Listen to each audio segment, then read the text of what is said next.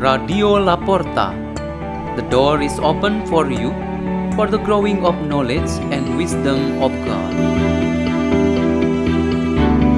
Delivered by Sister Christine Osu and Sister Yati Osu from Ursuline Sister Community in Labuan Bajo, Indonesia.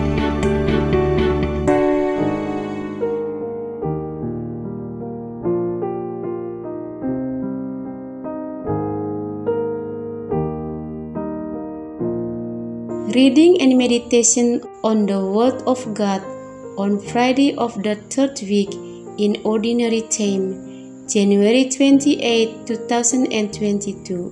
Memorial of Saint Thomas Aquino, priest and doctor of the Church.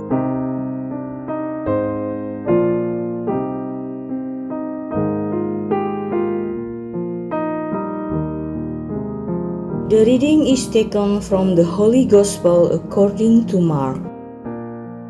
Jesus said to the crowd, This is how it is with the kingdom of God. It is as if a man were to scatter seed on the land, and would sleep and rise night and day, and the seed would sprout and grow, he knows not how. Of its own accord the land yields fruit, first the blade, then the ear, then the full grain in the ear. And when the grain is ripe, he wields the sickle at once, for the harvest has come.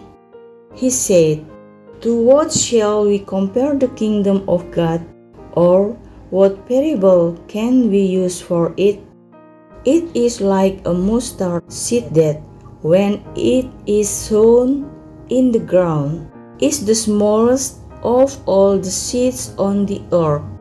But once it is sown, it springs up and becomes the largest of plants and puts forth large branches, so that the birds of the sky can dwell in its shade. With many such parables, he spoke the word to them as they were able to understand it. Without parables, he did not speak to them, but to his own disciples he explained everything in private. The Gospel of the Lord.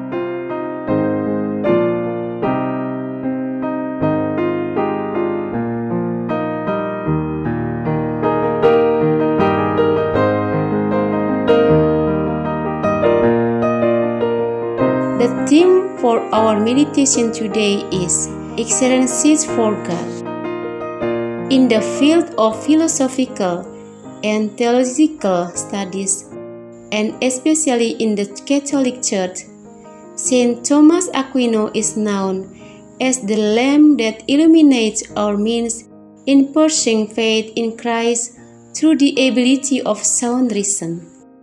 Summa Theologiae is his major work on Catholic theology. He stopped writing after experiencing a vision of the Lord Jesus Christ. In the vision, Christ asked him, What do you want in return for this wonderful work of yours? Saint Thomas felt that all that he had written was nothing more than a haystack when compared to what was sound to him.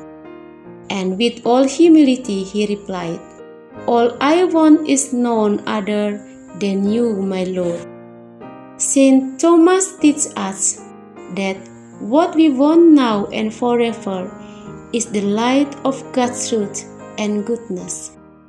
Saint Thomas was an outstanding member of the Catholic Church and had contributed greatly to the church and society of his day. Even today, the results of his studies are still useful in the fields of philosophy and theology. However, we must also recognize that every follower of Christ is an excellent seed who always contributes to the church and society in every generation and age. None of us were born evil or unkind.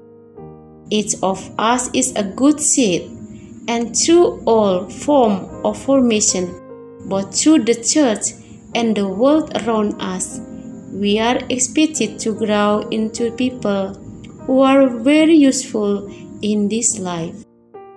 We must be able to fulfill God's will regarding our life in the world and must be able to be useful for our fellow human beings.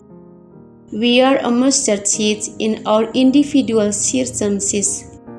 The mustard seed of God's gift to each person is unique and never the same for two persons. It is the personality and sacred calling of each person. With this uniqueness, we really shouldn't be jealous of each other because some people have a specialty on one side, someone else on the other. We must respect and need each other. It is not appropriate for us to copy and paste the uniqueness of others so that our own authenticity is lost. Falsehood does not make a person original, independent, and self confident. This is tantamount to stealing. While being spoiled and always dependent is just speaking. This is a setback for a good disciple of the Lord Jesus. So, our advantage is as true disciples of Christ. Let's pray. In the name of the Father, and of the Son, and of the Holy Spirit. O Father of all wisdom, strengthen our faith so that we remain true disciples of Jesus Christ. Glory be to the Father, and to the Son, and to the Holy Spirit, as it was in the beginning, is now, and will be forever. Amen. In the name of the Father, and of the Son, and of the Holy Spirit. Amen.